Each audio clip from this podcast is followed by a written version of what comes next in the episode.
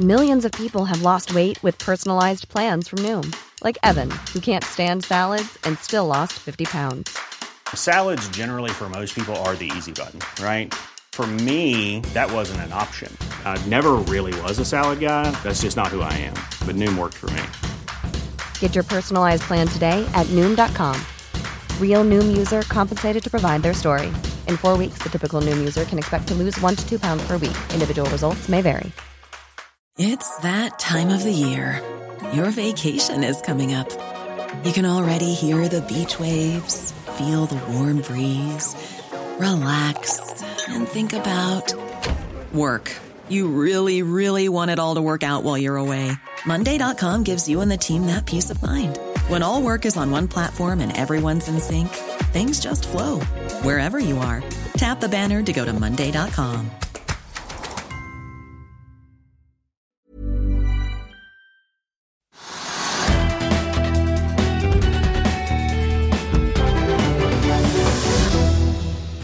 riktig god tirsdag og velkommen til Økonominyhetene. Mitt navn er eh, Marius Lorentzen. Kalenderen viser 5.9. på det vi vel kan kalle boligstatistikkens dag. Vi får straks besøk av Handelsbankens seniorøkonom Sara Midtgaard for å diskutere de ferske boligpristallene og også tallene for nyboligsalget. Og mens Oslo Børs klatrer forsiktig oppover for andre dag på rad denne uken, med en oljepris som fortsatt holder seg over 88 dollar fatet, så venter vi nå på at amerikanerne skal begynne å handle igjen etter deres Labor Day langhelg. Futures of Wall Street peker noe ned ned eh, nå en time før eh, børsåpning, der børsen altså åpner igjen for første gang, får vi si, siden eh, det var stenging på fredag. Nasdaq ligger ned en 0,3, SMP ned 0,1 i førhandelen. Rundt oss i Europa stort sett grønt, med unntak av Dax i Tyskland, som er så vidt i rødt. På dagens kalender så har vi bl.a. fornybarselskapet Cloudberry, som har sin kapitalmarkedsdag. Det er altså boligpristall an masse. Vi også, har også fått da kvartalstall fra det som i sin tid het Elop, nå Inin Group, som altså har gjort en god del endringer den siste tiden. På Oslo Børs eh, nå så er hovedveksten altså så vidt i pluss, opp 0,12 og er da opp for andre dag på rad. En ganske smal oppgang, får vi si. Ser vi på listen over de mest omsatte aksjene, så er det bare Equinor, Yara, DNB, Movi og Lerøy som er i pluss. Ellers så er det mye rødt på mest omsatt-listen. Så får vi også ta med da en nyhet som har kommet eh, akkurat nå på ettermiddagen, og det er en ny vending i sakskomplekset rundt aksjetradingen i regjeringen. NRK melder nå i ettermiddag at eh, statsminister Jonas Gahr Støre krever full aksjefrys av alle i regjeringen. Statsministerens kontor har nå bedt om en full kartlegging av alle investeringene til politikerne i hele regjeringsapparatet. Ingen får lov til å selge eller kjøpe aksjer før statsbudsjettet legges frem, melder NRK. Statsbudsjettet kommer da fredag 6. oktober, får vi også eh, ta med. Cloudberry, fornybarselskapet på Oslo Børs, opp 7,5 i dag, har vært opp eh, godt over 8 tidligere da i forbindelse med sin eh, kapitalmarkedsdag. Oppgangen kommer etter bl.a. av nyheter om at selskapet vil foreslå tilbakekjøp av aksjer for inntil 2,4% av aksjekapitalen. Cloudberry avholder da kapitalmarkedsdagen i dag, og styret vil da be om fullmakt for dette tilbakekjøpet til en pris på 14,60 kroner aksjen. Det er da 30% opp over dagens kursnivåer. og får vi jo da si at den ligger nå da på 10, ja, nesten 10,90 i eh, skrivende og snakkende stund. Og vi er straks tilbake med dagens gjest rett etter dette. Vil du bli oppdatert på det viktigste som har skjedd innen finans og næringsliv? Da er det bare å følge med, for hver morgen er jeg, Marius Lorentzen og aksjekommentator Karl Johan Malnes på plass i studio for å ta tempen på dagens marked i Børsmorgen. Og hver ettermiddag oppsummerer vi alt du trenger å vite i Økonominyhetene, og det blir selvfølgelig masse interessante gjester. Klikk deg inn på fa.no-tv, eller søk opp Børsmorgen og Økonominyhetene der du hører på podkast. I'll see you in court. Vi sier det ofte litt på spøk, men for deg som driver business, er det aldri moro å innse at du ikke har laget en 100% gyldig kontrakt. Du bør ikke risikere hele firmaet ditt fordi du synes dette med kontrakter er litt stress. En avtale er ikke en avtale. Du kan miste kunder, miste venner, ja, til og med miste inntekter om du ikke lager en skikkelig kontrakt, på alt mulig, egentlig. Men vi vet det er et styr. Kopimaskiner, tregprinter og haugevis av papir. Dessuten stoler vi jo på folk her i landet. Det er ofte litt kleint å skulle be om en signatur for alt mulig, ja, for mye av styret handler også om jakten på underskriften. Det finnes en enkel måte å løse dette på, Dukkobit, En trygg, effektiv og get this, gratis måte å sikre seg en god natts søvn pluss en juridisk bindende avtale. Dukkobit-appen har de strengeste sikkerhetskrav i bunn, samt en EU-godkjent og sertifisert teknologi. Framover vil det bli behagelig å spørre du, skal vi skrive under på det, eller? Kom i gang på dukkobit.no.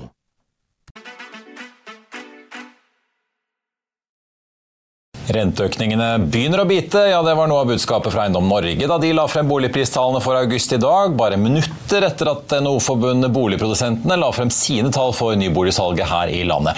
Og For å ta det siste først. Nyboligsalget endte i juli 17% ned fra juli i fjor. Hittil i år så er nyboligsalget ned 38 Igangsettingen er så langt ned 42% sammenlignet med samme periode i fjor.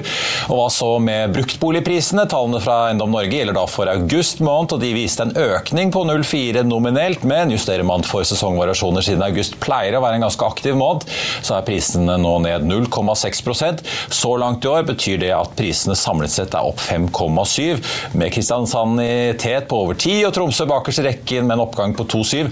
Spørsmålet nå er jo eh, hva dette sier oss om boligkjøpernes eh, sinnsstemning, hvis vi kan kalle det det, og Norges Banks eh, kanskje renteplaner fremover. Med oss nå så har vi fått seniorøkonom i Handelsbanken, Sara Midtgaard, velkommen. Tusen takk. Du har har jo lenge fulgt boligmarkedet både før Handelsbanken og nå. Hva tenkte du da fasiten kom? Dere og jeg får også si DNB Markets var jo bare 0,1 unna å treffe, så dere var ganske gode i spådommene? Ja, nå, nå spådde vi ganske bra, men det har jo vært vanskelig å spå altså denne våren her. Det har vel vært en unormalt sterk boligvår gitt rentehevingene fra Norges Bank. Så det at boligprisene nå faller, er jo det vi egentlig har ventet eh, lenge på. Og det viser jo at rentehevingene nå begynner å bite i boligmarkedet markedet, på samme måte som at det biter litt mer i realøkonomien ellers også. Man ser at arbeidsmarkedet har holdt seg veldig bra, eh, lønnsveksten er høy og bygget opp under boligprisene, men nå eh, begynner det å bite. Ja, for Vi har sett det i bilsalget, vi har sett det i en del i varehandelen som sport og elektronikk og en del andre butikkjeder varsler om magrere tider. Mm. Så, men nå ser dere at det begynner å spre seg til flere sektorer, da, eller? Eh, ja, vi ser jo også i konsumet. Hvis vi tar bort konsum og bilsalg i andre kvartal, så falt jo konsumet i fastlandsøkonomien. Og vi ser det også i utviklingen i BNP. Og så har jo nå ledigheten gått bitte litt ned opp igjen til 1,9% sesongisert. Så man ser jo at eh, rentehevingene fra Norges Bank begynner å få en effekt på realøkonomien, og, og nå også boligprisene. Da. Og eh, egentlig er det litt overraskende på noen måter at ikke dette boligprisfallet har kommet eh, tidligere. Fordi vi har sett en lengre periode at antall usolgte boliger har bygget seg opp. Og nå i august var det nærmest rekordmange usolgte boliger på markedet, eh, med nærmere 18 000 boliger. Normalen er nærmere litt over 13 eh, 500.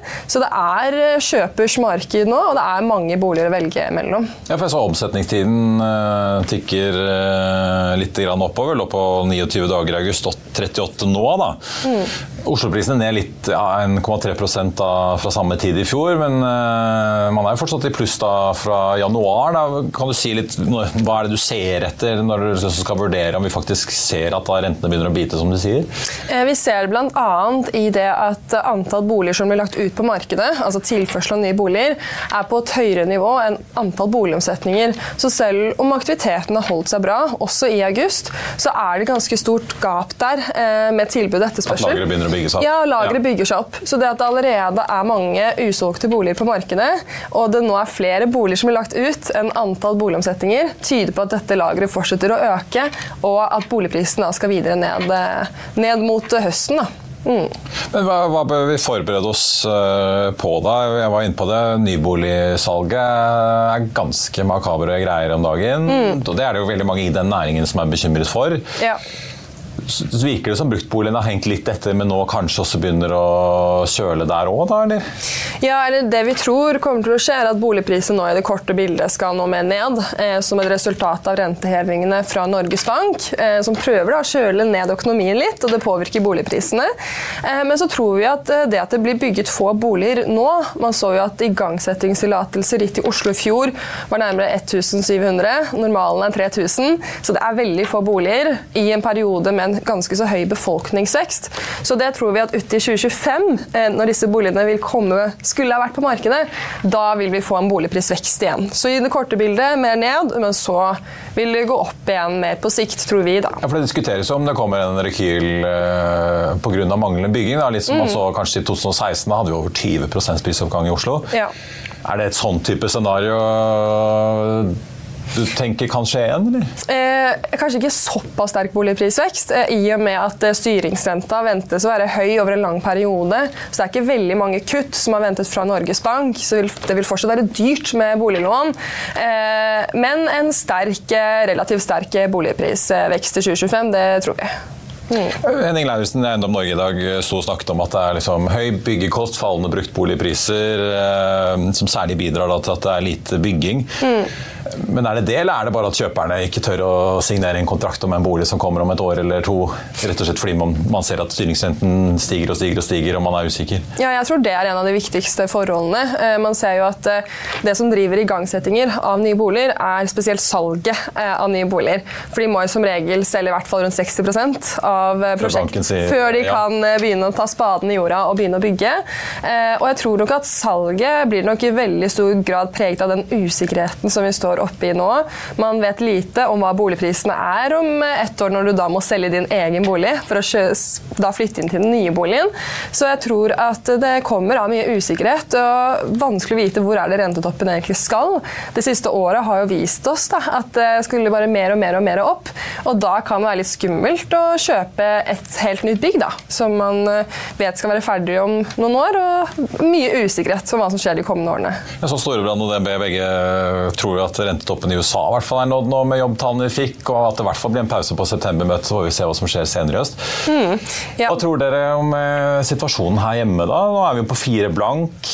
Vi har jo noen rentemøter til utover høsten med både pengepolitisk rapport og greier, så det er jo mange muligheter for Ida Wolden Bakke og og Norges Bank å øke hvis de vil, da, men tror du de kommer til å øke noe særlig mer nå?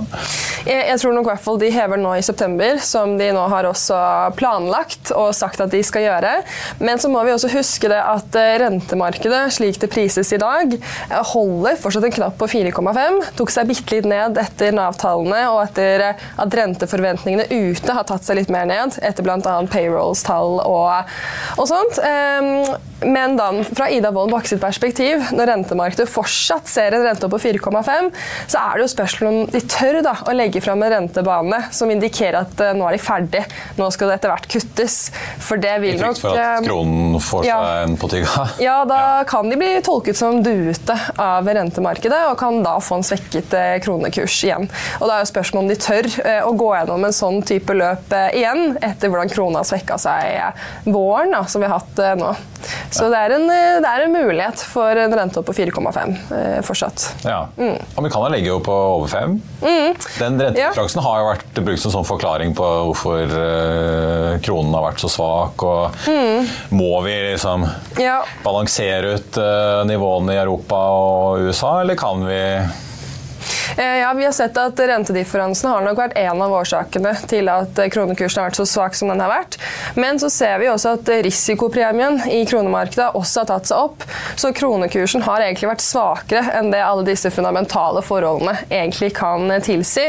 Men eh, man så det jo veldig tydelig før sommeren, bare den dobbelthevingen fra Norges Bank og de sterke inflasjonstallene vi fikk før sommerferien, alene bidro veldig mye til kronestyrkelsen da, i løpet av sommerferien. Så man ser at eh, rentedifferanser har nok eh, noe å si på valutakursen også, i tillegg til alle de andre forholdene. Eh, Til slutt, Hva er det du følger ekstra med på utover høsten da, for å få en idé om eh, aktiviteten i norsk økonomi? Da? Du pekte på at konsum er ned hvis du holder bilsalg utenfor. Vi vet at bilsalg er dårlig, men eh, at andre sektorer også begynner å gå i minus. Jeg Er det konsumtallene fra SSB som er en indikator, eller er det andre ting du ser på? Jeg tror nok at det Noe av det viktigste å se på er spesielt press i norsk økonomi, som man får mye informasjon om gjennom Norges Bank sin rapport, regionalt nettverk. Og det er den vi vet Norges Bank også er veldig opptatt opptatt av. Eh, fordi det er jo på en måte et helhetsbilde, og presset man ser det er usedvanlig stort sprik eh, mellom næringer. Spesielt bygg og anlegg, varehandelen går spesielt surt. Oljesektoren går veldig bra med høye oljeinvesteringer.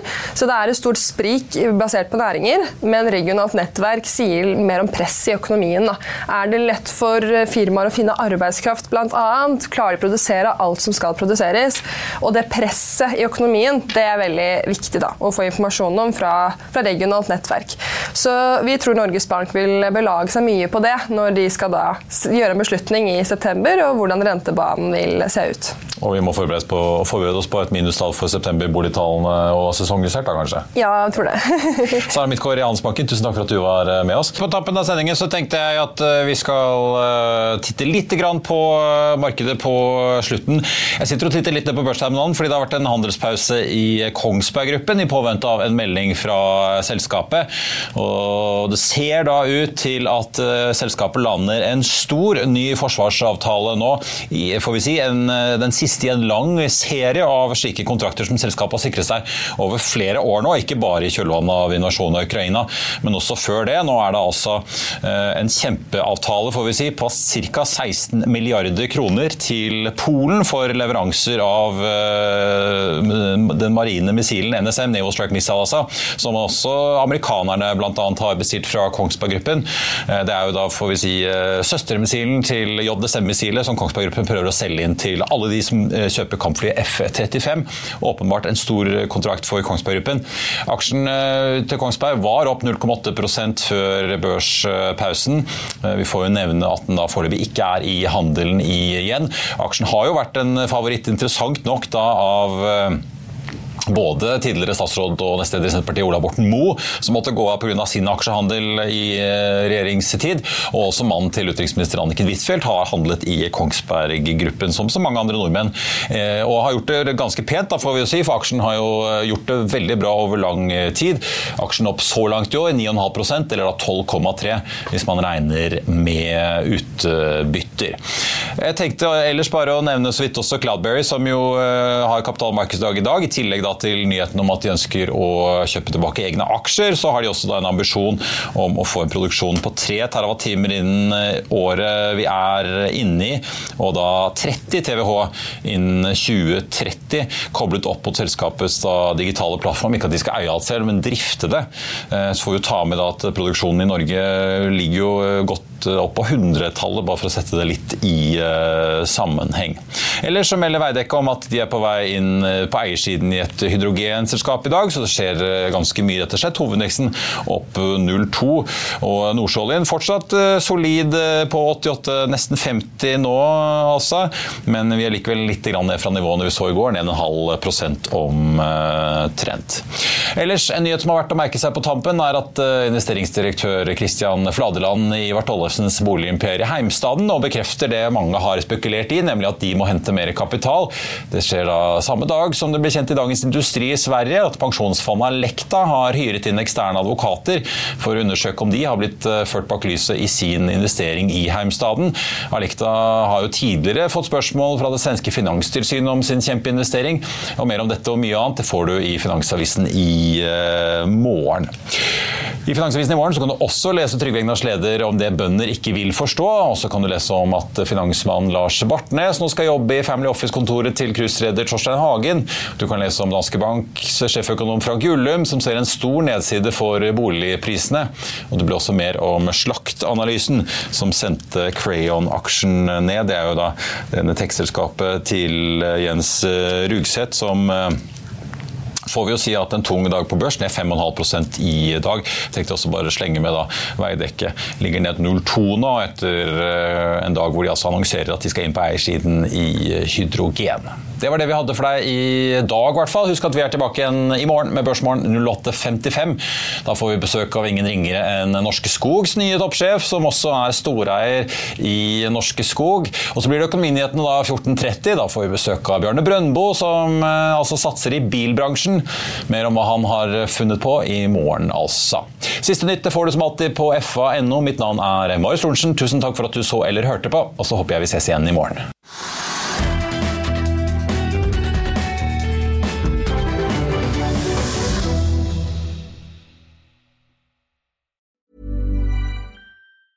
Hey, it's Danny Pellegrino from Everything Iconic. Ready to upgrade your style game without blowing your budget? Check out Quince. They've got all the good stuff shirts and polos, activewear, and fine leather goods, all at 50 to 80% less than other high end brands. And the best part? They're all about safe, ethical, and responsible manufacturing.